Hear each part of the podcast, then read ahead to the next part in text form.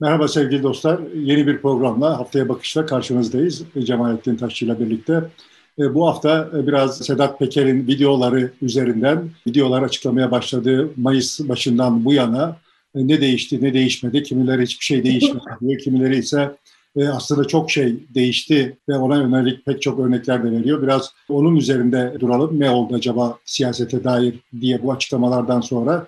Ona ötesinde İstanbul Sözleşmesi'ne oradan çıkılmasına tepki gösteren kadınların direnişi var, mücadelesi var. Boğaziçi Üniversitesi 6. ayına girdi. 6 ay sürmez deniyordu. Yeni atanan rektör 6 ay devam etmez bu ondan sonra normalleşiriz şeklinde bir açıklamada bulunmuştu ama herhangi bir şey değişmiş gibi gözükmüyor. Direniş bütün hızıyla devam ediyor. Bunu birazcık konuşalım istiyoruz. Bir FETÖ borsası çerçevesinde bir konu var İzmir'de. Bir itirafçının eve çıktıktan sonra öldürülmesi sonrası gelişen olaylar. Biraz onu ele alalım istiyoruz. Bir de HDP ile AK Parti arasında acaba yeni bir flörtleşme dönemi başlar mı, başlayacak mı? Buna dair adım atarsa Erdoğan biz de adım atarız şeklinde açıklamalar var. Biraz e, onu değerlendiririz HDP AK Parti ilişkileri de. Ve ÇKP'nin yani Çin Komünist Partisi'nin 100. kuruluş yıl dönümü kutlandı. Galiba bu kadar uzun yaşayan nadir partilerden birisi ve bunun çok uzun bir dönemi de 72 yılda iktidarda geçen bir parti. Mao'dan bu yana, daha doğrusu kuruluşundan bu yana, e, Mao'nun iktidara taşımasından bu yana Çin Komünist Partisi nasıl değişti? Asıl önemlisi de Çin'i nasıl e, değiştirdi ve dünyadaki Çin'e bakış nereden, hangi noktaya geldi? E, biraz da bunu vakit kalırsa değerlendirelim istiyoruz. Evet, aslında Sedat Peker açıklamaya başladığında önce ilgi çok yüksekti ama sonra dediler ki hiçbir şey olmuyor. Süleyman Soylu çıkıp açıklama yaptı. E, işte bazı gazeteciler açıklama yaptı, suçladı falan. Ve hiçbir şey değişmiyor. Erdoğan da cevap vermiyor falan denildi. Ama aslında e, Kazınay'a öyle değil galiba. Pek çok gazeteci işinden oldu bir kere. İkincisi pek ismi geçen pek çok siyasetçi şimdi toplum karşısına çıkıp eskisi gibi konuşamıyor, siyaset yapamıyor. Bir suskunluk hali oluştu. Ve en önemlisi de toplumsal muhalefette bir hareketlenme, kıpırdanma var. Siyasal partilerin muhalefetindeki kıpırdanmanın ötesinde. Bunları biraz değerlendirelim istiyoruz. Nereden başlayalım istersen? Ahmet Kurtuluş'un İzmir'de FETÖ davasından dolayı öldürülmesinden de başlayabiliriz. İstanbul Sözleşmesi'nden de başlayabiliriz. Yani önce bir izin verirsen bir genel bir değerlendirme yapalım. Değerlendirme yapalım yani halimiz hakkında. Ruşen Çakır Cuma günü yaptığı programda işte bir tuğla çekilirse bu bina çöker lafına yani hani Mehmet Ağar'ın Güldan Mumcu'ya söylediği rivayet edilen lafa gönderme yapıp işte tuğla çekilmiyor ama bina yine de çöküyor diyen bir program yaptı. Programda birkaç kere bu tuğla çekme hikayesine değindi. Birkaç kere de çürüme terimini kullandı. Ve ben de şeyi hissettim yani sonuçta aslında galiba esas sıkıntımız kavramlaştırma sıkıntısı her zaman olduğu gibi. Yani binalar çürümez, binalar çöker. Ama organizmalar çürür. Organizmalar çökmez yani. Şimdi ortada mayalanıyor olan yani biz toplum olarak bir bina değiliz, devlet bir bina değil. Bu bir organizma durmadan kendisini yenileyen, bir takım unsurları devre dışı kalan ve veya geliştirilen falan filan bir şeyleriz yani biz.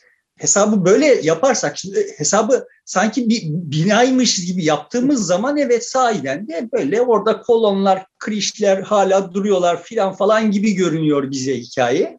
Ama diyelim ki işte çocuğunuz ilkokula gidiyor ise ya da işte liseye gidiyor ise çocuğunuz değişiyordur ve o değişimi gün be gün görmezsiniz. Ama 6 ay sonra işte 6 ay önceki fotoğraflara baktığınız zaman ergenlik çağındaki bir çocuğu nasıl değişmiş olduğunu veya eğer ses kayıtlarını dinlerseniz sesinin erkekse sesinin nasıl kalınlaşmış olduğunu o 6 ay içinde, bir yıl içinde falan falan görürsünüz ama o o arada olur yani.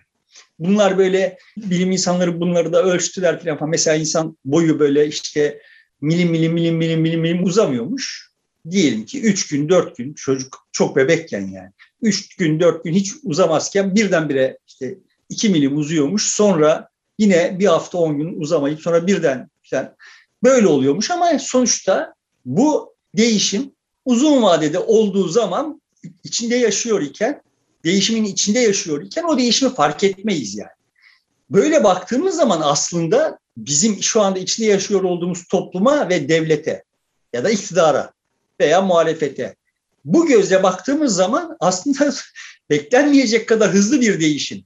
Yani ergenlik çağındaki kadar hızlı bir değişim dönüşüm ol, oluyor olduğunu kolaylıkla söyleyebiliriz. Yani Sedat Peker bunun tetikleyicisi midir? Ya da Sedat Peker olmasaydı bu olay nasıl olacaktı falan filan onları bilemem. Ama Sedat Peker yokken de böyle bir değişim var idi. Sedat Peker bir şeyleri ete kemiğe büründürdü, daha görünür kıldı.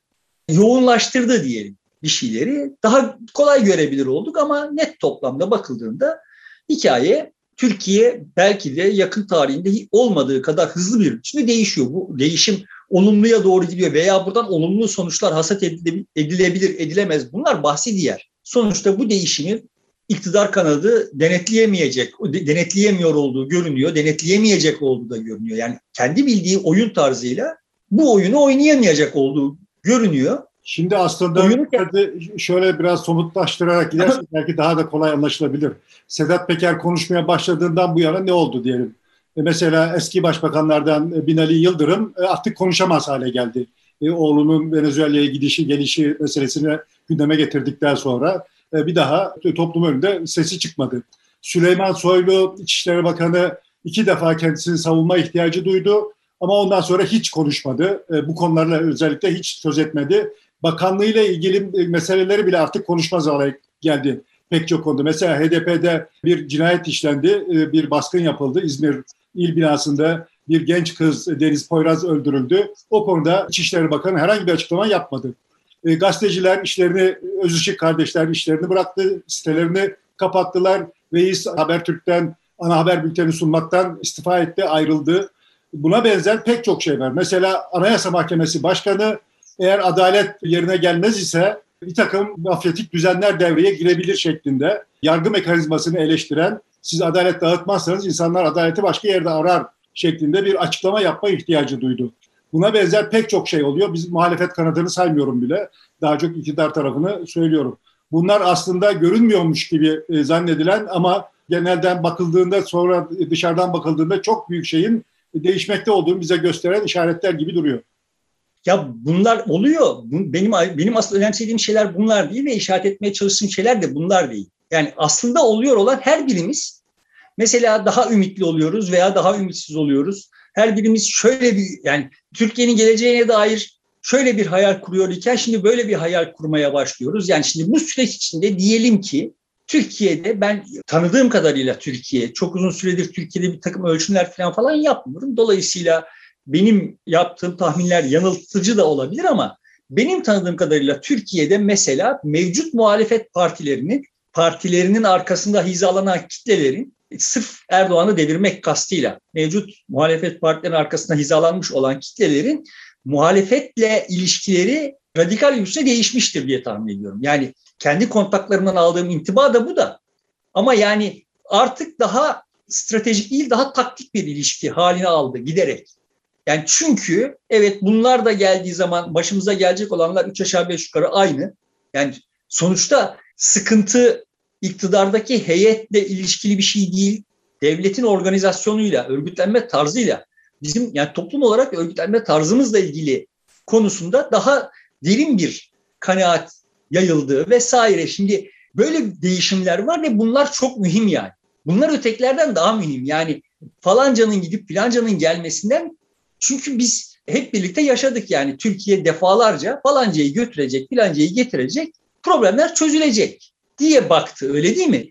Ama ne oldu? İşte Sivas'ta yine bu hafta içinde 28. defa andığımız vahim hadise oluştu. O gitti, bu geldi, o gitti, bu geldi bu süreç içinde. Ama yani sonuçta Sivas'ta ne olduğu ortaya çıkarılamadı. Uğur Mumcu hadisesinde işte orada ne olmuş olduğu ortaya çıkarılamadı. Yani sonuçta toplum falancayı götürüp filancayı getirerek bunların çözülemeyecek olduğunu daha derinden hissetti ve daha çok kişi hissetti diye düşünüyorum. Mesela bütün bu süreç içinde. Sedat Peker'in bu konuda ciddi bir katkısı olmuştur. Herkesin kendisiyle hesaplaşmasını gerektirmek anlamında ama burada tabii ki aynı zamanda muhalefetin tutumu da ciddi bir katkı yaptı. Yani muhalefet buralarda çıkıp tamam bütün bunların üstesinden gelen şöyle bir mekanizma, biz şöyle bir Türkiye hayal ediyoruz demiş olsaydı o zaman toplumda hala tamam bunları götürüp şunları getirirsek felaha ereceğiz duygusu tekrar üretilebilirdi. Ama şimdi görünen tablo yani biz kendi başımızı bağlamak zorundayız. Ve evet burada şunlar da paralel olarak oluyor. Yani orada işte kadınlar İstanbul Sözleşmesi'nden çıkışın Danıştay tarafından onaylanması ya da itirazın reddedilmesi üzerine bütün şiddete rağmen sokaklara çıkıp ve yani bu bizim işimiz biz halledeceğiz. Sizden bir nasıl diyeyim biz iktidardan bir lütuf beklemiyoruz. İktidarı bizim istediğimizi yapmaya zorlayacağız. Ve bunu yapana kadar da oynayacağız. Oyunda kalacağız. Edasıyla oynuyorlar yani. Ya şimdi bu çok çok mühim bir fark benim demeye çalıştığım. Ya da Boğaziçi Üniversitesi öğrencileri 6 ayı doldurdular ve toplum onları unutmuş olduğu halde o toplumun onları unutmuş olmasının da toplumla ilgili bir sebebi olduğunu düşünmüyorum. Benim öğrendiğim şey şu yani. 6 ay içinde bu iş hallolur diyen rektör zaten bilmem kaç ay önce kendisini Kandilli mi oluyor oraya Kandilli'de yerler var. Evet. Oraya atmış.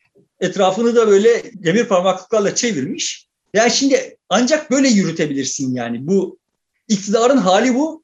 Herhangi bir doğru dürüst muhalefet karşısında iktidar bu hale düşer yani ve çok sembolik bir tablo Melih Bulu ile Boğaziçi arasındaki ilişki.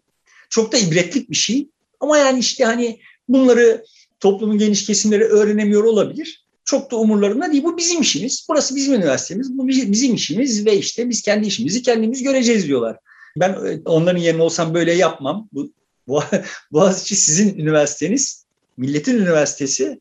Aha gelin bu işe omuz verin derim ama yani onlar baş, böylesini tercih ediyor ve yani bir sonuç alıyorlar almıyorlar ayrı bir şey. Yani ben genel olarak işte o yüzden bina benzetmesi yerine organizma benzetmesini önemsiyorum. Şimdi orada bir şey mayalanıyor, bir şey değişiyor.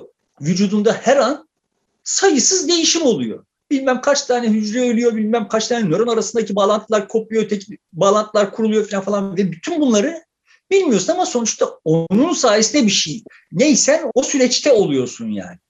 Toplumda şimdi böyle ve çok hızlanmış bir şekilde dönüşüyor. Tekrar söylüyorum bunun pozitif bir sonuç doğuracağı gibi bir ön kabulüm yok. Yani bu Türkiye'deki daha muktedir aktörleri oynayacağı rollere bağlı. Bu rolleri ne kadar oynayabilir olduklarına bağlı. Ne kadar doğru oynadıklarına bağlı ve yani sonuçta sadece Türkiye'ye de değil uluslararası ilişkilere de bağlı. Şimdi ama burada mesela hani daha teknik bir mevzuya girecek olursak bu İzmir'deki FETÖ borsası hikayesi yanlış hatırlamıyorsam Binali Yıldırım'ın da adının girdiği ama ağırlıklı olarak Nükhet Otar'ın yani o zamanlar AKP milletvekiliydi. Şimdi 9 Eylül Üniversitesi rektörü yanlış bilmiyorsam onun adının çok dolaşımda olduğu bir hadiseydi. Ve çok biçimsiz işler olduğu yani Türkiye'nin diğer yerlerindeki FETÖ borsası, borsaları kadar biçimsiz işler olduğu söyleniyor diye. Ama diğer yerlerindeki FETÖ borsalarından daha daha biçimsiz bir iş oldu. Sonuçta o olayın ortaklarından, organizatörlerinden birisi olan AKP il ikinci başkanı Ahmet Kurtuluş bir biçimde tutuklandı. Tutuklandıktan sonra itirafçı oldu. İtirafçı olduğu için evinde ev hapsine mahkum edildi ve evinde çok da tiksindirici bir biçimde yani işte polis kılığına girmiş birileri vasıtasıyla çocukların önünde öldürüldü. Diğer hususlarda bu kadar ileri gitmek zorunda kalmamışlardı. Ben de mevzuyla neden alaka duyuyor idim? Çünkü daha Sedat Peker yokken ortadan, ortada işte Serkan Kurtuluş diye bir mafyatik bir tip, genç bir tip. Gürcistan'a yanlış hatırlamıyorsam kaçmış idi ve oradan bir takım sinyaller vermişti. Ben oradan bir Sedat Peker, yani Sedat Peker yokken bir Sedat Peker çıkabileceğini vehmetmiştim. Yani bu konuşursa, konuşmak zorunda kalır da konuşursa birçok taş yerinden oynayacak. Ben de taş ve yerinden oynamak tabirlerini kullandım. Yani birçok şey değişecek. Organizma anlamında birçok şey değişecek diye diyelim hani bir olur mu acaba diye bir tahminim var idi. O çocuk anladığım kadarıyla Güney Amerika'ya kaçtı. Güney Amerika'da bir yere gitti sonra oradan Arjantin'e gitti galiba. Arjantin'de tutuklandı. Türkiye'ye teslim edilmemesi için müracaat etti. O müracaat geri çevrildi galiba ve şimdi bir daha görüşülecek falan falan. teslim edilmemek için de açlık grevine başladı. o konuşursa bir şeyler olur diye bekliyordum. Sedat Peker konuşmaya başladı. Yani bir şeyler olabilir diye bekliyordum. Sedat Peker konuşmaya başladı. Dolayısıyla hani ben o yüzden onu takip ediyordum. Şimdi bunu kim Barış Pehlivan mı? Barış Pehlivan. Gündeme, getir, gündeme getirince Sedat Peker ha ben zaten bu konuyu konuşacaktım ama zamanı gelsin diye bekliyordum. Şimdi Barış Pehlivan gündeme getirdiğine göre filan falan gibi bir şeyler. Sedat Peker de kendi imajını zarar görmemesi için ciddi bir çaba harcıyor. yani benim kanaatime göre Sedat Peker bunu filan falan gündeme getirmeyecekti. Yani çünkü bu olay hakkında bilgi, bilgi sahibi olsaydı böyle bir şeyler olduğunu biliyordur da bunun nasıl oluyor olduğunu hakkında filan falan bir takım bilgiler sahibi olsaydı önce bunları anlatır. Yani çünkü bu e, biraz şeye benzemiş. Bu gazetecilikte rakip ve gazetede yazan arkadaş sizin ilgilendiğiniz konuyla ilgili bir haber patlattıysa siz de ya ben onu tam yazacaktım işte şunu bekliyordum da elimden çıktı falan deyip kendinizi savunursunuz. Bu biraz ona benzemiş gibi. Ha bu vesileyle şimdi hani şunu konuşalım diye bu mevzuya girdim yani. Yoksa Sedat Peker'in ne, ne bildiğini falan falan yani bu mevzuda ne bildiği falan falan beni çok ilgilendirmiyor. Şimdi ama yani ikimiz de Ankara'da bulunduk. Evet. Sonuçta genel olarak hikaye şöyle bir şeydir. Hani ben kendi bildiğim taraftan misal vereyim. Kendi içinde olduğum bir hikayeden misal vereyim. Sevgili Büyük Erşen de kusuruma bakmasın yani. Şimdi ben yurt dışına çıkmayı sevmem. Büyük Erşen de beni yurt dışına götürmeye çok hevesliydi. Sonra vazgeçti. Ben çok hevessiz olunca ama hani kırgın güçle vazgeçti. Sonra bir gün Barcelona'ya gidecek. Benim de kızım Barcelona'da o tarihlerde. Ben de hadi bu sefer ben de geleyim dedim. Yani bir, bu vesileyle kızım da görürüm falan diye. Biz Barcelona'ya gittik ve Barcelona'dayken biz Masum Türker Büyük Erşen DSP'den büyük değildir filan gibi böyle zırva, abuk yani gereksiz bir açıklama yaptı. Şimdi açıklamanın böyle bir açıklama yapıldığı bilgisi bize geldi ve ben şunu gördüm yani bizimle beraber olan heyetteki herkes dehşet bir paniğe düştü. Halbuki ben daha Barcelona'ya falan falan biz gitmeden aylar öncesinden yani biz bir sonraki seçime DSP ile gireme, giremeyiz.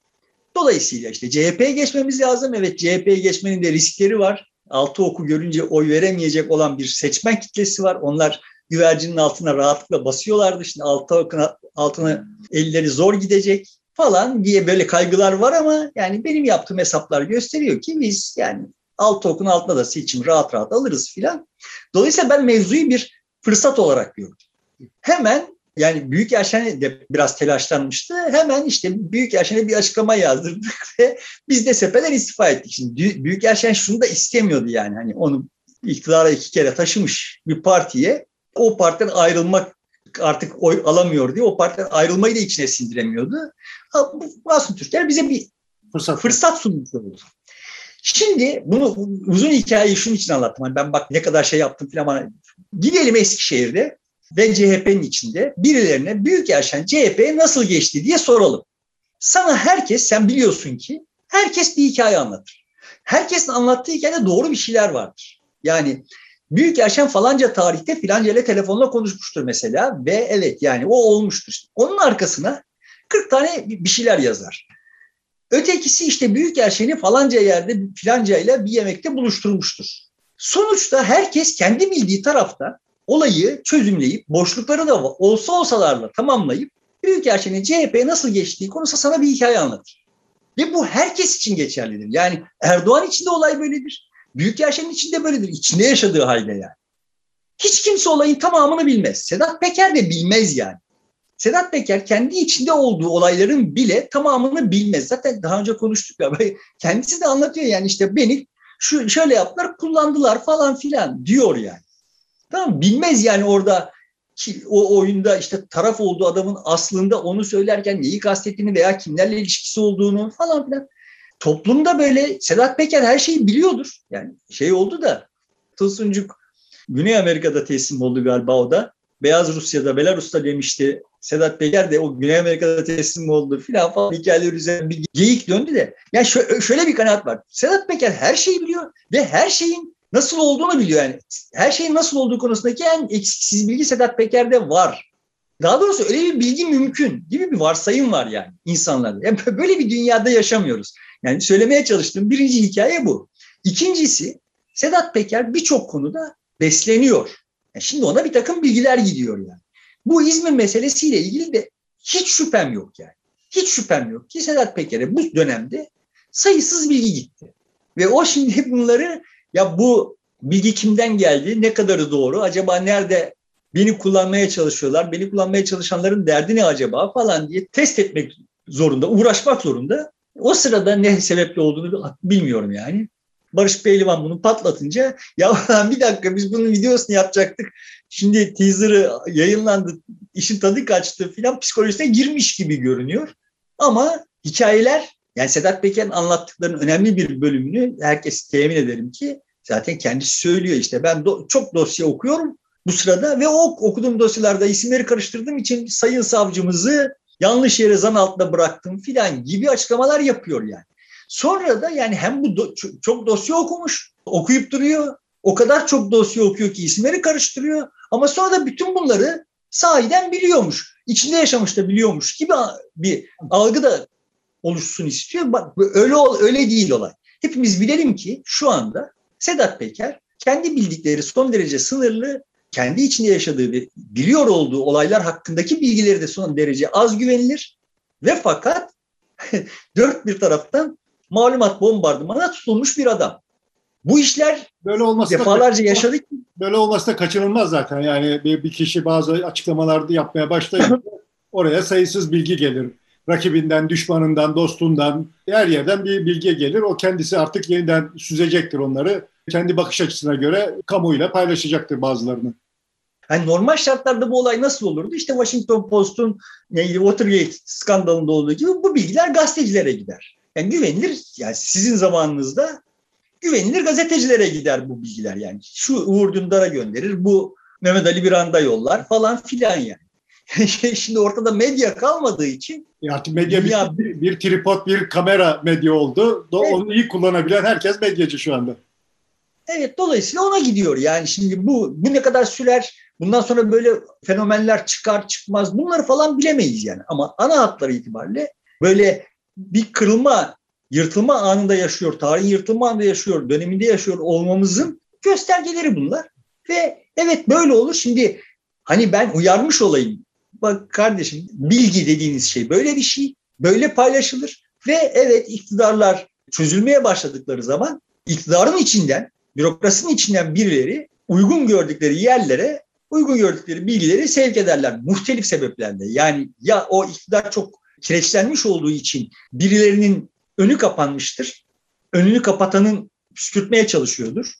Şimdi bu hafta mesela şey de yayınlandı işte 140 Jornoz'un Veba diye bir e, videosu da yayınlandı. Yani orada işte anlıyoruz ki bir bürokrat, tabii olarak adının açıklanmasını istemeyen bir bürokrat Sağlık Bakanı'nı perişan edecek bilgileri anlatmak üzere 140 Jornoz'la temas etmiş. Yani. yani herkes bu, bu tür şeyler çok olur. Bu işte iktidarın değişeceğini hisseden bürokrat yeni gelenlere hazırlık yapar böyle zamanlarda. Bilgi e, aktarır. Bu kaçınılmazdır. Bir de çürüme çok fazla ise herkes o çürümenin bir an önce son ermesi için çaba harcar. Yerine yeni bir şey ortaya çıkması için. Evet şimdi demek ki yani bizim bütün bu hikayeden çıkarabileceğimiz şey ne? Böyle bunlar üst üste oluyorlar ise filan yani böyle orada falanca görevden alındı, filanca işini kaybetti, falanca yargılandı, içeri atıldı filanı beklemenin anlamı yok. Yani görünüyor ki iktidar kanadı çok kireçlenmiş ve artık taşıyamıyor. Ya asıl Görünüyor. E, iş dünyasında bir kıpırdanma var. Mesela şehir hastanelerinin önemli bir kısmı yabancılara e, devredildi. Daha henüz para kazanmaya başlamama. İşte bir takım firmalar el değiştiriyor. İşte BMC e, başka bir yere geçmiş oldu. Sanıyorum bu önümüzdeki süreçte daha da hızlanacak gibi gözüküyor. Bu da pek çok şey anlatıyor iktidara dair. Şimdi şehir hastaneleri konusunda Rönesans'ın yaptığı açıklama ne kadar güvenilir filan onları bilmiyorum ama yani orada bizim uzmanlık alanımız olmayan konuları biz devrettik sadece diyor. Hastaneleri devretmedik, hastanelerin işletmesini devretmedik diyor. Dolayısıyla hani onları görmek zorunda kalıyoruz ama iş dünyasında kaçınılmaz olarak zaten yani aslında iş dünyası bu konularda hepimizden daha tetiktir yani sen benden daha iyi biliyorsun. İş dünyasında dışarı çıkarılabilir olan her para çıkarılmıştır. Yani tesisler kredilerle yürüyor çok uzun süredir.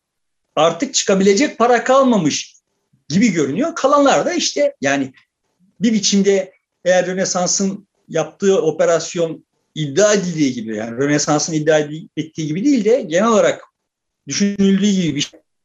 Rönesans buradan gelecek kazancını uluslararası bir takım garantiler altına almaya çalışıyor. Yani muhtemelen işte birilerine 3-5 payını verip kendi parası, gelecekteki parasını yurt dışına çıkartmaya çalışıyor yani. Evet. Böyle bir tablo var. Bu arada tabii şey var. Aslında hani hakkında belki 10 saat konuşulması gereken yani Erdoğan'ın söke söke alırlar. Lafı. Lafı var. Bize yerli ve millilik satan, bize devlet öğretmeye kalkan, bize yerlilik millilik satanların ne kadar yerli milli ve ne kadar devlet terbiyesine sahip olduklarını falan falan bütün bu süreçte gördük. Ama esas mühimi şu yani tekrar aktörleri bir tarif edeyim. Yani toplum böyle değişiyor. Değiştiği görülmez. Öte taraftan iktidar zaten kireçlenmişti. Kireçlendiğine dair biz hissen bunları biliyorduk. His olarak biliyor idik. Ama görünüyor ki evet bu kireçlenmenin sayısız yani bürokrasi kanadında özellikle yani böyle orada Bahçeli var burada Erdoğan var iktidar diye bunu gördüğün zaman eksik kalan bir hikaye var. O eksik kalan hikayenin kireçlenmiş ve işte böyle sadece Berat Albayrak Süleyman vesaire filan falan gerilimleriyle değil, başka gerilimlerle de malul olduğunu görmüş olduk. Üst üste çok sık bunun misalleri çıkıyor. Şimdi bir de muhalefet tarafına bakalım. Şimdi muhalefet yani toplumsal muhalefette zaten gördük ki evet toplumsal muhalefet imkan buldu hatta bulamadığı her yerde elinden geleni yapıyor. Yani adam kamera görünce başlıyor sövmeye. Biliyor yani içeri alınacağını. Alınıyor da. Ama yine de her gün birileri daha konuşuyor yani. Filan gibi. Bir de kurumsal muhalefetimiz var. Bu kurumsal muhalefet galiba ikiye ayırmak gerekiyor. HDP ve diğerleri olmak üzere. Bu kurumsal muhalefetinde işte son dönemde böyle başarılı tırnak içinde işler yaptığına dair toplumda bir kanaat hasıl olmaya başlamıştı. Gara muhalefeti arkasından 128 milyar vesaire üzerinde. Vay vay ne tosun muhalefetimiz varmış bizim bilmiyormuşuz kıymetini filan edasıyla böyle bir şey var. Şimdi bu heyetin politikadan haberdar olmadığı, siyaset bilmiyor olduğu filan falanı ben beni bilen biliyor. Yıllardır yazıp çizip söyleyip duruyorum yani. Üstüne gidilse işte böyle söke söke alırlar gibi lafları edip kendisini deşifre edecek kadar dünyadan bir haber olduğunu, vasıfsız olduğunu ben kendi hesabıma birçok vesileyle test ettim. Ama gidilmedi üstüne. Gidilmedi yani sıkıntı burada. Gidildiği zaman yani bak Kanal İstanbul'un paralarını biz ödemeyeceğiz deyip de bunu biraz tok sesle söylediğin zaman adamın makyajı bozuluyor. Şimdi bana diyecekler ki ben böyle söylediğim zaman canım bunu 5 yıl önce yapsaydı olay böyle olmaz. Hayır 5 yıl önce yapsaydı yapılsaydı olay böyle olurdu. Benim iddiam bu ya. Yapılmadı. 5 yıl önce bu adama işte birileri tapıyor idi işte anamın üstünde görsem anamdan şüphelenirim veya işte falan filan gibi geyikler yapılıyor idi. Bu adama birileri tapıyor idi. Buna güya karşı olanlar da bu adam yenilmez diyorlar. Adamın bütün bütün envanteri, bütün şeyi buydu. Sen yenilebilir olduğunu görsen adama iki çalım atmaya kalksan adam golü yiyecek yani. Hatta kendi içinde olduğu gibi kendi kalesine golü atacak aslında Sedat Peker'in açıklamaları e, onu da göstermiş oldu. Muhalefetin nasıl davranması gerektiğine dair bir örnek oluşturmuş oldu. Muhalefet partilerinin de işlevini yerine getirmediğini ortaya koydu bir yönüyle de. Bence hala getirmiyorlar ama evet. yine de hani şimdi dilimi ısırayım iyi kötü bir böyle direnç noktaları oluşturmaya başladılar. İşte Kanal İstanbul'da bu göründü işte bu kurban yardımları konusunda İmamoğlu'nu çok övülen tutumu hakkında da filan falan. İşte deprem konusunda da bunu yapabilirdi İmamoğlu. Daha önce başka yerlerde de, de defalarca bunu yapabilirdi. Ve yapılmadı bunlar. Yani bir dakika kardeşim burası bizim alanımız. Yani kadınların şimdi yaptıkları gibi. Burası bizim alanımız. Sokaklar bizim yani.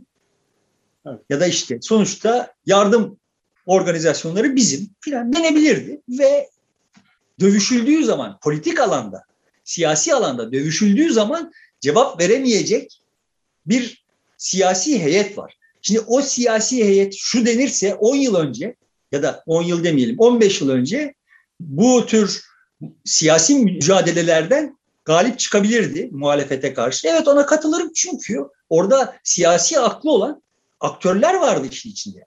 Parti de biraz da olsa partiye benziyor. Yani öyle bir tane adamın kuklalarından oluşmuş, parmaklardan oluşmuş bir şey değildi yani. Değil mi yani 15 yıl önce şimdi o partide Bülent Arınç'ın da Abdullah Gül'ün de işte tırnak içinde özgür ağırlıkları vardı. Kendi manevra alanları vardı ve dolayısıyla birisinin yediği golü ötekisi en azından onlar üzerinden toplumla bir bağ kurulabiliyordu. E, toplumda herhangi bir şikayet olan birisi o isimlerden birine ulaşıp derdini anlatabiliyor idi.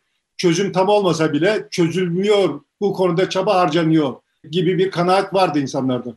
Evet ve sonuçta hani şöyle ümitler de vardı yani Erdoğan'a bir şey olursa arkasından gül var işte filan falan gibi. Sonuçta o hikaye başkaydı ama şimdi biz uzunca bir süre 10 yıldır filan böyle bir hikayenin içinde yaşamıyoruz. Yani kendi kendisini yalnızlaştırmış ve vasıfsız bir heyet var. Şimdi bunun üzerine gidilmedi. Gidilseydi biz bütün bu kabusu yaşamayacaktık. Demeye çalıştığım şey bu yani. Ha şimdi muhalefet buradan bir takım akıllıca bir şeyler çıkarır çıkaramaz onları da bilmiyorum. Ama bir de hani muhalefetin içinde bir de HDP hadisesi var. Yani bu muhalefet derken kastettiğim ağırlıklı olarak CHP ve İyi Parti. Bir de HDP diye bir hadise var ve o da geçtiğimiz hafta gündemimize düştü. HDP'nin kafası da çok karışık gibi gözüküyor. Gerçi üzerine çok gidilmiş olmasının getirdiği bir takım mazeretler ileri sürülebilir ama çok farklı fikirler var. en sonunda Erol Katırcıoğlu'nun ifade ettiği bir görüş var. Şayet Erdoğan adım atarsa biz de adım atabiliriz. AK Parti ile çözüm meselesinde e, yeniden bir araya gelebiliriz şeklinde bir açılım vardı. Altan Tan'ın e, buna dair bir açıklaması vardı. Siz neden e, bir kapıyı kapatıyorsunuz da sadece öbür kapıyı açık tutmaya çalışıyorsunuz? Bırakın iki kapı da açık olsun. Bundan daha iyi bir fırsat mı var? Yani biz Erdoğan'la da oturup masaya konuşalım. Gerekirse muhalefetle de oturup konuşalım. Böyle bir noktada duralım dedi. Şimdi seninle hatırlarsan 31 Mart seçimlerinden sonra 2 artı 1 Türkiye diye 3 tane program yapmış idik. Onların artı biri HDP üzerineydi. Evet. Ve orada demiştim ki ben HDP'nin böyle kayıtsız şartsız kendisini teslim etmiş olması HDP açısından çok büyük bir handikaptır. Artık buradan sonra bir yani şimdi mealen konuşuyorum. Ne, ne dediğimi de tam hatırlamam ama yani siyasi bir intihardır. Buradan sonra HDP'nin seçmeni de dahil olmak üzere HDP oy vererek desteklediği CHP İyi Parti koalisyonuna emanettir. Eğer bu emanetin hakkını vermezlerse mesul olan onlardır. Onlar olacaktır. Mealinde bir tartışmıştık seninle. Yanlış hatırlamıyorsam yani. Konuştuk evet. Şimdi sonrasında da yine bir programda konuştuk ki yani HDP böyle hani sırrı o açıklamaları yapmadan önce yani sırrı Süreyyanlar o açıklamaları yapmadan önce konuştuk ki yani HDP'yi böyle köşeye sıkıştırmak böyle Kürtleri çantada keklik görmek yanlış bir şeydir. Yani burada HDP buna bir reaksiyon gösteremiyor kolu kanadı kırıldığı için ama yani bu siyaseten yanlış bir tutumdur. Sonrasında da HDP'nin böyle yapmaması gerektiği konusunda da ben kendi... Evet, şöyle bir benzetme yapabiliriz. Ya seni işte polisler arıyor sokağa çıkma, evin bir kenarında dur. Lazım olduğunda bize yardımcı olursun. İşte evin işlerinde görürsün. Biz seni koruruz filan edasında bir HDP'ye yaklaşımı var muhalefetin, CHP'nin özellikle. Bu siyasi bir tutum değil. Değil. HDP burada siyasi tutum gösteremiyordu. Mazur görülebilirdi işte konu kanadı kırıldığı için. Benim gördüğüm HDP'nin şu üst üste yaptığı şey, şeyler yani Sırrı Süreyyan'ın açıklamaları arkasından Altantan'ın sonra Bilge'nin açıklamaları, evet. Ayhan Bilge'nin sonrasında Katırcıoğlu'nun açıklamaları HDP siyaset yapıyor şimdi. Yani gördüğüm kadarıyla yani sana itiraz etmek için bu kadar gevezeliği ettim. HDP'nin kafası karışık diye başladım. Bence uzun bir aradan sonra ilk defa kafaları netleşti HDP'nin. Yani eğer bize ihtiyacınız varsa bize ihtiyacınız olduğunu bileceksiniz. Ve bize ihtiyacı, bize muhtaç olduğunuzu bilerek davranacaksınız. Yani Ha orada o bize muhtaçlığınızın fiyatı şudur filan falan bunlar oturur konuşuruz. Ama önce bir önce bir ayaklarınız yere bassın ya. Böyle afaki afaki böyle hani bunlara isimleri çok görmek vesaire falan filan gibi şeyler veya işte böyle bariz saldırı altında kaldığında yalnız bırakmak gibi şeyler siyaset değil. Dolayısıyla bence uzun bir aradan sonra ben yani bunlar o izleyenler için de peşin peşin söyleyeyim yani. Ben bunların bir tanesinin tarafında ötekisi karşısında vesaire olarak konuşmuyorum yani. Buradan ne çıkar Türkiye için falan bunları da bilmiyorum. Bu konularda da hükmüm yok. Ama ben siyaset yapılan bir Türkiye, yapılabiliyor olan bir Türkiye'nin siyaset yapılamıyor olan bir Türkiye'den daha ümit var olduğu gibi bir varsayıma sahibim. Dolayısıyla HDP'nin siyaset yapmaya başlaması bir şeyleri değiştirebilir. Şimdi hikayeyi böyle tamamlayacak olursak Çin'e de vakit kalsın diye toplum değişiyor. Bu değişen toplum zaten kireçlenmiş olan iktidarın kireçlenmiş olduğunu artık mevcudiyetini sürdürmesinin normal şartlarda imkanı kalmadığını ancak çok aşırı gerçekten orantısız bir şiddet uygulayarak ancak ömrünü uzatabileceğini görüyoruz. Öteki tarafta muhalefette kendi içinde muhalefetçilik oynamaya başladı buradan aldığı cesaretle ve HDP'nin muhalefetin içinde muhalefeti dönüştürecek hamleleri yapıyor olduğunu görüyorum. Buradan ümit var olabilirim. Genel toplam olarak ümit var olabilirim ama iyimserliği de abartmamak gerekir. Bunların hiçbirisi kendiliğinden olmaz. Akıl gerekiyor, irade gerekiyor ve mücadele gerekiyor. Yani kadınların yaptıklarından bir şeyler öğrenebiliriz. Onlar akıllıca ve irade sergileyerek ama dayak yemeyi göze alarak bir mücadele sürdürüyorlar. Dolayısıyla hikaye Türkiye'nin hikayesinin böyle olduğunu düşünüyorum. Türkiye benim bildiğim tarihte hiç olmadığı kadar hızlı değişiyor. Böyle hani hiçbir şey değişmiyor, değişmiyor diyenlere de onu da söylemiş olayım benim kanaatim itibariyle. Hiç ben, hiç şahit olmadım yani toplumun bu kadar hızlı değiş yaşıyor olduğuna. Sonumuz hayır olsun diyelim. Herkes parmağın taşın altına sokabilen herkes soksun. Bu pandemi diyelim. biraz hızlandırdı galiba bu değişimi ve dünyadaki o, teknolojik o, değişim de galiba hızlandırdı işi. Evet yani sonuçta pandemi teknolojik değişimi, ekonomik şartları değiştirdi vesaire. Şimdi her şey böyle bir iç içe geçti ve bütün bu da oyuncuların patinaj yani büyük oyuncuların patinaj yapmasına sebep oldu ve her şey alt üst oldu yani. Göreceğiz bakalım yeni dünya kurma fırsatı doğdu. Kurduğumuz dünya neye benzeyecek? Göreceğiz yani. E, buradan Çin'e geçelim istersen. Çin Komünist Partisi'nin... 100 yaşındaki delikanlıya. Efendim? 100 yaşındaki delikanlıya geçelim diyor. 1 Temmuz 1921'de resmen e, kurulan e, bir parti. İşgal gördü, işgalle mücadele etti. Arkasından iktidara e, geldi. E, Mao'nun uzun bir yürüyüşü de var. Köylü bir toplumu uzun bir bir arada tutup belli bir noktaya getirdikten sonra bir sanayi toplumuna dönüştürdü. E, arkasından da bir teknolojiyi iyi kullanan toplum haline getirdi ve bir emperyalizme karşı mücadele veren bir parti ve devlet şimdi e, kendisi dünyada bir hegemonya mücadelesi veren bir noktaya taşındı. Bütün bunlar Çin Komünist Partisi'nin iktidarıyla, mücadelesiyle oldu. Çin Komünist Partisi dediğimiz partinin de 95 milyon üyesi var. Bu üyelerin 2,5 milyonu da son yılda gerçekleşti. Girdi 100. yılda biraz üye sayısı fazla olsun diye. E, ve aslında çok fazla da lider değişmedi galiba. İşte Mao uzun süre iktidarda kaldı. Deng Xiaoping e, geldi ondan sonra. Kültür devrimi diye bir süreç başlattı. İşte köye eğitime gönderdi pek çok partinin önde gelenlerini.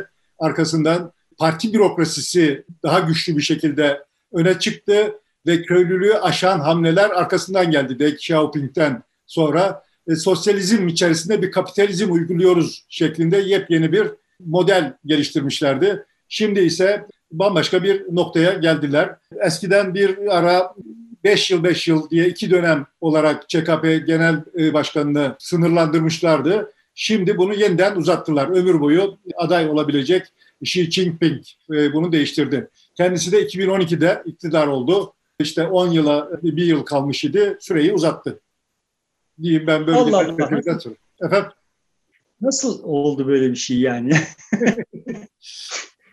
Şimdi sen Çin Komünist Partisi üyesisin galiba.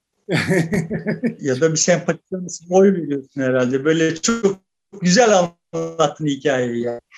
Sanayi toplumu falan olmadı. Yani Çin sonuçta bir takım sanayi üretimler yapan yani şu son dönemi hariç öncesinde sanayi üretimler yapan, yaptığı sanayi üretimlerin önemli bir bölümü de silah sanayi olan bir köylü toplumuydu ve hala bir köylü toplumu. Yani sonuçta şimdi Çin'de işte 650 bin sanayide çalışıyor. Sanayide ve tarımda yani tarım sanayinde çalışıyor. 650 bin 650 milyon çalışan var, işçi var. 650 milyon da çalışmayan kişi var. Şimdi Çin'in böyle Orada bir takım işte sanayileşmiş yerleri var ve bunlara bakarak nasıl Türkiye'ye bir sanayileşmiş toplum demiyor isek Çin'e de sanayileşmiş toplum diyemeyiz. Sanayi üretim olarak dünyanın en muazzam üretimini yapıyor. Ama yani bu şimdi bir tane harita var çok çarpıcı bir harita. Yani dünya haritası. Sonra bir tane çember çizilmiş. İşte Çin, Hindistan, e, Bangladeş, Endonezya filan, Filipinler filan giriyor. Sadece küçücük bir çember yani. Dünya nüfusunun yarısı burada yaşıyor diyor. Sonuçta evet ölçekler çok büyük çünkü oradaki nüfus ölçeği çok büyük yani. Ortada bir sanayileşme falan filan yok. Sanayi üretim zaten insandan ciddi ölçüde bağımsızlaşmış ve işte Çin bu dönemde dünyada sanayi üretim daha da otomasyona gidiyor iken ya bir dakika sizin robotlarınızın işlerini benim köylülerim yapar demiş oldu. Teknik olarak olan şey bu yani. Robotlardan daha ucuz insanlarım var benim dedi. Bu evet bütün sanayileşme süreçlerinin Kaçın başlangıç safhasıdır. Ama sorun şu. İngiltere'de olay böyle başladı. Akabinde Avrupa, Batı Avrupa sanayileşirken olay böyle oldu. Akabinde işte Amerika sanayileşirken olay böyle oldu. Ama biz sanayileşmeye kalktığımız zaman böyle olmadı. Çünkü artık sanayi doymuştu. Şimdi dünyada her şey yani işte Hegel demişti ya işte dünyada her şey iki, kere olur diye Marx da ona eklemişti ama işte ilkinde trajedi ikincisine komedi olarak diye.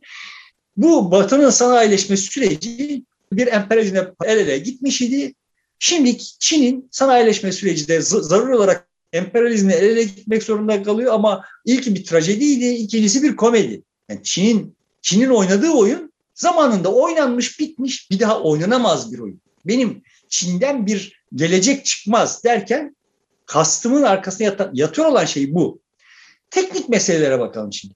Yani ne olmuş oldu? Şimdi Çin'in içinde birileri yani Çin dünyaya sınayim hub olarak kendisini var etti. Nüfusunun küçük bir bölümü bile dünyada ki iş gücü açığını fazlasıyla kapatacak kadar büyüktü ve ama ne oldu? İşte oraya bir Çin'e bir para aktı. Bu paranın bir kısmını bu işlerde rol alan nüfusa dağıttıkları zaman yani daha, daha az sömürüyle dağıtsalar o nüfusu kontrol edemeyecekler. O zaman iki yıl tamamlanmak üzereyken tamam bunu ömür boyu yapalım mı gerçekleştiremeyecek. Çünkü toplumda e, bir takım şeyler difüze olduğu zaman, güçlü difüze olduğu zaman bir dakika kardeşim ya bu oyun böyle olmaz diyen birileri çıkacak. Bu birileri çıktı zaten çıkıyor ama onları bastırmak için Çin'de ne oldu? Partinin genel merkezinde neredeyse her iş adamı oldu. Nasıl oldu? İllegal bir biçimde oldu. Ve şimdi bu illegal bir iş adamı olanlar Afrika'ya gidiyorlar söz temsili ve işte diyorlar ki size otoyol yapalım. Ya bizim otoyola ne ihtiyacımız var? Daha önce hastane lazım bize, okul lazım falan diyor. Ya boş versen okulu hastaneye. Bak biz buraya otoyol yapalım çünkü biz otoyol yapmayı biliyoruz. Ya da hızlı tren yapalım. Biz onu yapmayı biliyoruz. Bunun içinde işte bize 50 milyar dolar vereceksiniz. E yok 50 milyar dolarınız. Yani biliyoruz 50 milyar dolarınız olmadığını. Biz şimdi size 60 milyar dolar vereceğiz. Bunun 10 milyar dolarını cebinize koyacaksınız. 50 milyar doları bize vereceksiniz. Biz burada tren yapacağız. Bunu ödeyemeyeceksiniz. Falanca limanınızı alacağız. Şimdi döner ticaret bu. Buna ilave olarak ne dönüyor? O Çinli zenginler Çin'de kursalar, fabrikaları işte artık 30 kuruşa çalıştıracak yani eskisi gibi 3 kuruşa değil 30 kuruşa çalıştırmak zorundalar Çinleri. Gidiyorlar Afrika'da 5 kuruşa çalıştırıyorlar Afrikalıları. Yani Çin sermayesi Afrika'da emek sömürüsü yapıyor. Çin'in yarısı işsizken bunlar böyle hani dışarıdan bakınca böyle olmaz diyeceğin şeyler. Böyle olmaz diyorsun. Niye diyorsun? Çünkü bir tane akıl var ve bu akılla her şey kararlaştırılır gibi varsayımların var. Ama dünya öyle çalışmıyor. Sen Çin'de parayı cebine koymuşsan Çin'de fabrika kurduğun zaman yarın seni partiden ihraç ettiklerinde bir sebeple kellen gidecek yani. Herhangi bir güvencen yok Çin'de. Ali Kim Baba olarak yok. Başına gelenler o zaten. Ali Baba diye bir şirket vardı. Onun başındaki adamın e, bir süre ortadan kayboldu. Yani son, bütün bu tür rejimlerde yani Putin'in Rusya'sında da tablo böyle. Bu tür rejimlerde olay böyle olur. Yani kendini dışarı atmak zorundasın. Ve işte böyle atıyorlar kendilerini dışarı. Yani geçtiğimiz hafta mı oldu ya? Yakınlarda oldu. Karadağ'a bir proje satmışlar. Ve bu proje işte hiçbir yerden gelip hiçbir yere gitmeyen bir otoyol projesi yani. Varsayımı şu, bir limandan çıkacak da efendime işte bu bir yol bir kuşak falan bir kuşak bir yol mu ne o bir kuşak bir yol. proje çerçevesinde Karadağ limanından çıkacak Adriyatik'teki limandan Belgrad'a falan filan gidecek güya. Bunun bir kısmı Karadağ'ın payına düşüyor. Fakat yolun maliyeti Karadağ'ın milli gelirinden fazla yani. Ve Çinliler bunu biz yaparız size parasını da biz veriyorlar ama siz geri ödeyeceksiniz. E geri ödemeyi beceremezseniz ne olacak peki? E o zaman şu bölgeyi el koyarız. Ya Karadağ'dan toprak alıyorlar yani. Yani şartı da var ama canım yani orayı askeri bölge olarak kullanamayacak, diplomatik bölge olarak kullanamayacak. Yani adam Avrupa Birliği'ne girme ihtimali olan Karadağ'ın ortasında toprak sahibi oluyor. Yani şimdi böyle işler bunların hepsi bundan 100 yıl önce ÇKP kurulduğu tarihlerde yani makul işler. Şimdi İngilizler, Hollandalılar falan hala bu işleri yapmaya çalışıyorlardı. Fransızlar yapmaya çalışıyorlardı. O tarihlerde bile eskimiş stratejilerdi ama yani hala yapılmaya çalışılıyordu 100 yıl önce bile. Yani biz bunu Aslında denedik, başarılı oldu. Komünist Partisi de bu anlayışla, zihniyetle mücadele için kuruldu ve mücadele etti. E güya yani. güya mücadele etti diyelim. Yani mücadele, bununla mücadele etmek için kuruldu, kendi aydınlarıyla mücadele etti. Yani şimdi kültür devrimi diye bir şey yaptılar. O gün bugündür Çin'den herhangi bir kültürel ürün çıkmıyor. Yani bir tane bile çıkmıyor yani. Böyle bir bir yığın abukluğu yani o akla ziyan nasıl diyeyim tarım üretimini rasyonelleştirme adına yaptıkları işler yüzünden aklı ziyan kıtlıklara sebep oldular. Dünya tarihinin görüp gördüğü en büyük felaketlerin doğrudan doğruya müsebbibi yani Çin Komünist Partisi. Şimdi ya tamam canım bunları yapmıştır da şimdi akıllanmıştır, dünyaya uyum sağlıyordur falan falan ve işte bu olmaz diyorum. Benim iddiam bu. Yani bu Çin'den bu çıkmaz diyorum. Neye yaslanarak diyorum? Şimdi imalatın insansızlaşması, e, toplumun daha alt katmanların enerji kazanması, rol sahibi olması, bir akıl binelden çıkmış, bin akıl binelle doğru gidiyor olan bir dünyada insanları hala bir makine parçası veya makine ikamesi olarak gören bir toplumdan sadece büyüklükleri sebebiyle bir sonuç doğuruyor olan bir toplumdan bircecik olmaz. Benim iddiam bu. Bu dünyada yeri yok. Yani 100 yıl önce şimdikini yapabilseydi bir manası vardı. Ama öyle diyorsun şimdi da yok. E, şimdi G7 zirvesi yapıldı. Çin'e karşı tedbir nasıl alırız üzerinde yoğunlaştılar. Çin'i bir tehdit olarak gördüler. Onun yol kuşak projesine karşı daha iyi bir dünya inşa et diye 44 trilyon dolarlık bir yatırım güya gerçekleştirecekler. Böyle bir hedef ortaya koydular.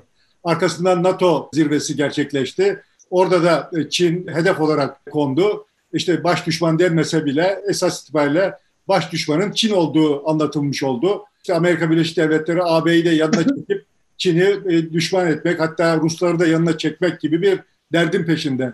Bu kadar çekinmeseler, korkmasalar, tehdit olarak görmeseler bunları yaparlar mıydı? İki tane şeyim var yani bu hususta. Birincisi Çin tehdit değil demiyorum.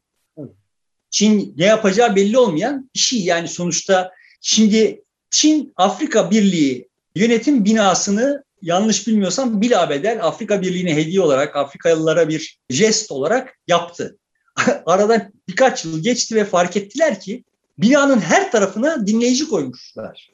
Çinliler sonuçta emperyalizmden anladıkları bu yani. Yani o teknolojiyi de öğreniyorlar bu arada ya. Binayı bir yandan emperyalizmi öğreniyorlar, bir yandan teknolojiyi öğreniyorlar ve bunların ikisini bir araya getirip şimdi böyle Afrika Birliği toplantılarını o bir binadaki bütün e, o konuşmaları dinleyecek şeyi koyuyorlar.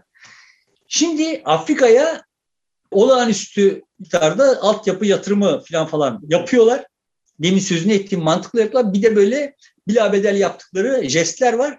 20 tane yanlış yani 20 küsür yanlış hatırlamıyorsam meclis binası yapıyorlar. Ya şimdi sen Kenya'sın ve sana adam meclis binası yapıyor. Yani sıtmayla mücadele gibi bir derdin var söz temsil atıyorum yani. Adam geliyor sana meclis binası yapıyor. Böyle çok şatafatlı, gösterişli falan falan. Niye yapıyor? Şimdi bunlar evet ya böyle davranıyor olan bir özneden sen korkmaz mısın yani? Korkarsın. Bu benim beni ekonomik olarak geçecek, zor duruma düşürecek falan filan diye değil yani. Bu manyağın ne yapacağı belli değil diye korkarsın. Birincisi bu. İkincisi sonuçta Batı'nın kendisine yeni bir hikaye yazmak zorunda olduğunu hissettiği aşikar.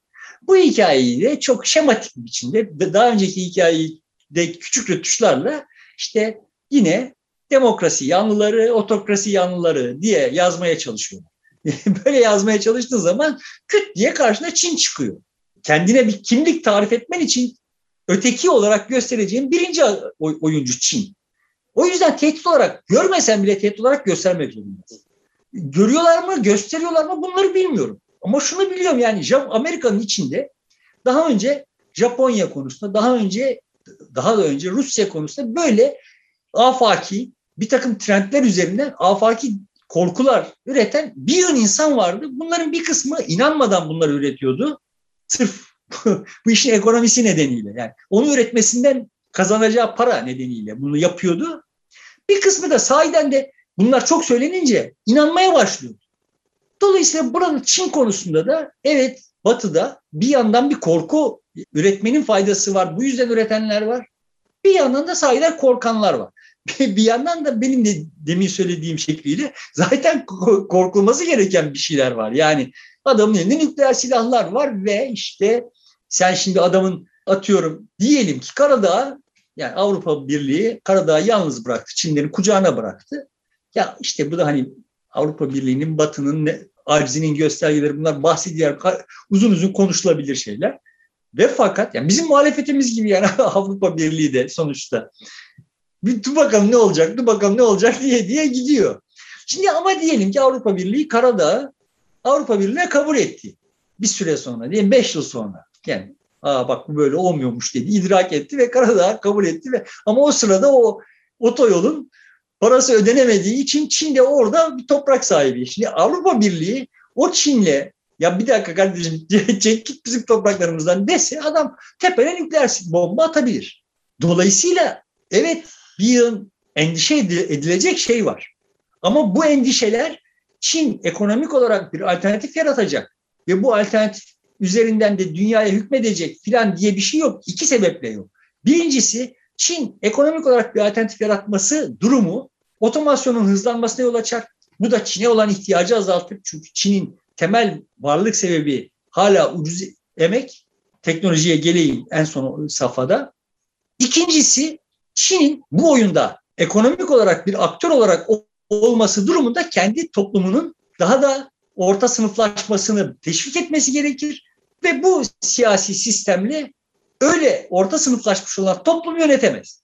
Yani böyle iki tane makas paradoks var. Yani bir iki taraf kesen bir makasın içinde. Bütün toplumlar böyle oldular. Yani İngiltere de bu yoldan geçti yani.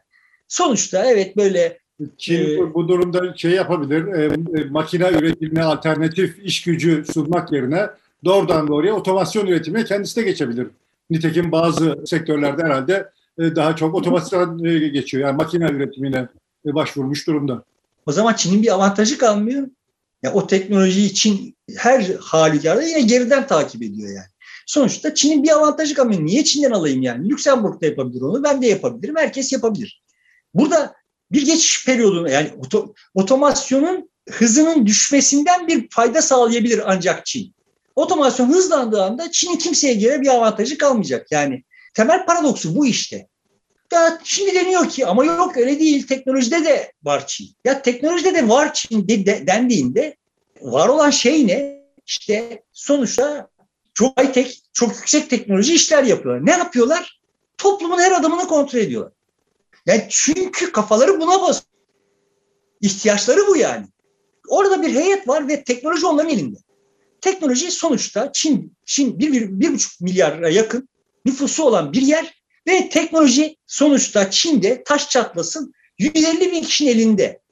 151 binci teknoloji konusunda zır cahil.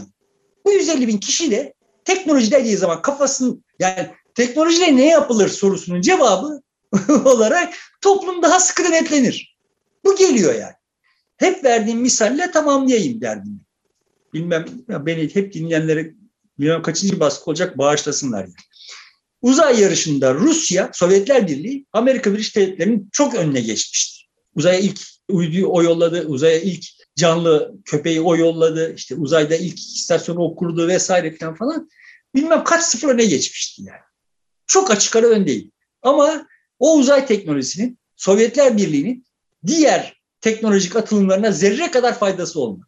Çünkü on, onlar böyle kompartmanlar halindeydiler. Bir iddia üzerine, iddialaşma üzerine çok aşırı yoğunlaşmış bir şeydi. Ama Amerika geriden geldiği halde o uzay yarışındaki dönüşüm işte bugün bizim bu bize bu fırsatları sağlayan internetlere vesairelere falan falan zemin oldu. Çünkü o bir merkezde üretiliyor olan bilgi, teknoloji bütün sisteme, bütün endüstriye difüze oldu. Bunu sağlarsan eğer o zaman o toplumu kontrol edemezsin. Bunu sağlamazsan onu sağlamış olanlarla rekabet edemezsin. Benim dünyayı algılayış tarzım bu olduğu için Çin'i hiç umursamıyorum. Başıma orta bombası atana kadar. Yani. Attığı zaman zaten onu yapacak bir şey yok. Şu da var tabii bizim Kanal İstanbul'umuza falan filan talip olabilir. Öyle de canımızı yakabilirler. Çin daha önce kara gücüydü. Şimdi deniz gücü de olan bir devlet haline geldi. Her ne kadar Amerika'nın deniz gücünün karşısında hala üçte bir gibi zayıf bir durumda olsa da e, hızla buradaki gücünü arttırıyor. Dünyadaki lojistik yani ticari malların taşınmasında ise e, sanıyorum öne geçti. Bir numaraya geçti. Bütün bunlarla birlikte bir hegemonya mücadelesi verme şansı var mı? İhtimali var mı Çin'in? Ben Çin'in zaten birçok konuda hegemonya kurduğunu söylüyorum. Bunu teslim ediyorum. Sanayi üretim olarak şu anda Çin dünyaya bariz bir hegemonya kurmuş durumda. Sanayi imalat başlığı toplayacak olursak bariz bir biçimde Çin üstünlüğü var öyle değil mi? Evet. Benim sorunum, sorunum şu. Denizde de hegemonya kurabilir ve fakat denizde hegemonyanın bir manası yok. Denizde hegemonya 17. yüzyılda 18. yüzyılda İngiltere'ye dünya imparatorluğu sağladı. Ama şimdi denizde hegemonyanın bir manası yok yani. Hatta işte ulu önderimiz bizim demişti ki istikbal göklerdedir. şimdi istikbal göklerde bile değil yani. yani. Çünkü o bile dünde kaldı. Dolayısıyla o yüzden diyorum ki Çin'in oynadığı oyun yani işte ilkinde dünyada daha önce oynanmış ilkinde trajedi olarak oynanmış. Çin oynadığı zaman benim açımdan bu komedi yani. 100 yıl önce geçilmiş yollara da, yollardan geçip bir de buradan böyle övünüyorlar yani. Bak biz bunları yaptık. Ya bunları 100 yıl önce yapmışlardı ve onu 100 yıl önce yapmış olanlar battılar. Yani 100 yıl önce İngiltere dünyanın sahibiydi, patronuydu. Çin'i de taciz eden İngiltere'ydi yani. İngiltere battı ya şu kadarcık bir adaya sıkıştı kaldı. Yani şimdi bu da metafor. Madem öyle tamamlayalım. Sonuçta bu hikayenin aslında bu Çin'in bir de bir İngiltere ayağı var. Yani bizim bilmiyor olduğumuz aslında galiba öyle görünüyor ki bir de Birleşik Devletlerle Birleşik Krallık arasında bir çatlak var. Daha doğrusu Birleşik Krallık içinde bir çatlak var. Galiba bunun işte muadili Birleşik Devletler içinde var. Daha geleneksel olanı koruyarak bildik oyunu oynamaya çalışanlarla yeni olanın üzerine yatırım yapmaya çalışanlar üzerinden yani Yahudi sermayesinin serencamı üzerinden de oynanıyor olan bir oyun var ve anlaşılan o ki Çin kendisini Londra'ya, Pekin'i Londra'ya bağlayarak aslında bir biçimde o eski hegemonik dünya tasavvuruna sahip olan sermaye grupları vesaire üzerinden de oraya eklemlenmeye çalışıyor. Çünkü görünen o ki Londra'da böyle bir tasavvuru hayali olanlar da var. Yani güçlüler var anlam yani bir takım Londralılar böyle manasında söylemiyorum yani. O Londra finans piyasasının içinde ciddi bir güç olarak böyleleri de var yani. Ve evet görünüyor ki Pekin'le Londra bu anlamda paslaşıyor. Bu hani biz şimdi bizim üstümüzde dolaşan kara paralar, milyar dolarlar, 100 milyon dolarlar falan falanlar konuşuyoruz. Üf üf ne çok para falan. Yani Çin'in bu anlamda dünyada dolaşıyor olan parasının haddi hesabı yok ve bu ne kadar Londra'da, ne kadar Londra dolayımından dolaşıma giriyor falan falan bunları bilmiyoruz yani. Ama biliyoruz ki bildiğimiz kadarıyla yani Londra bu işlere böyle kendi, kendi halinde hani Çin'de parasını harcasın diye bırakmaz. Bırakmıyormuştur filan. Bunları biliyoruz yani. Dolayısıyla evet böyle bir hesaplaşma var ve Çin orada bir, bir yer tutuyor. Ama net toplamda Çin'in oynadığı oyun bitmiş bir oyun. Bunu söylemeye çalışıyorum. Bu Londra'da bu işi oynayanlar da Shakespeare oynuyorlar. Halbuki yani şimdi bambaşka bir dünyada yaşıyoruz. Ama yani, evet yani sonuçta bir yıl kişinin de başını yakıyor yani. Şimdi Avustralya'da benim Avustralya'daki temaslarımın bana söyledikleri ne kadar güvenilir onu da bilmiyorum. Yani bunda bir dehşet yaratmak için üretilmiş bir şey midir? Çin'den rüşvet almamış Avustralyalı politikacı olmadığı söyleniyor. Çin'in bütün Avustralya politikasını rehin aldığı söyleniyor. bütün kanatları. Şimdi bu doğru mudur? Ya da yani ateş olmayan yerden duman çıkmaz. Böyle bir şeyler vardır. Bu ne kadar konuşuluyor. Evet. E şimdi bunları yapıyor yani ve yapacak da öyle de görünüyor. Yani sadece Afrika'da sadece işte avuç kadar Karadağ'da oynamıyor oyunu. Koskoca Avustralya'da da oynuyor. Görünüyor yani bunların yapıldığı. Ama buradan ne sonuç çıkara baktığımız zaman ben diyorum ki yani bir haslat çıkmaz. Benim tezim bu. Diyelim peki burada bitirelim. Daha da bunları konuşuruz e, diye düşünüyorum. Peki sevgili dostlar e, burada bitiriyoruz haftaya bakışı. E, yeniden görüşmek üzere. Modernleşme hikayesinde herhalde çarşamba günü birlikte oluruz diye düşünüyorum. Hoşçakalın.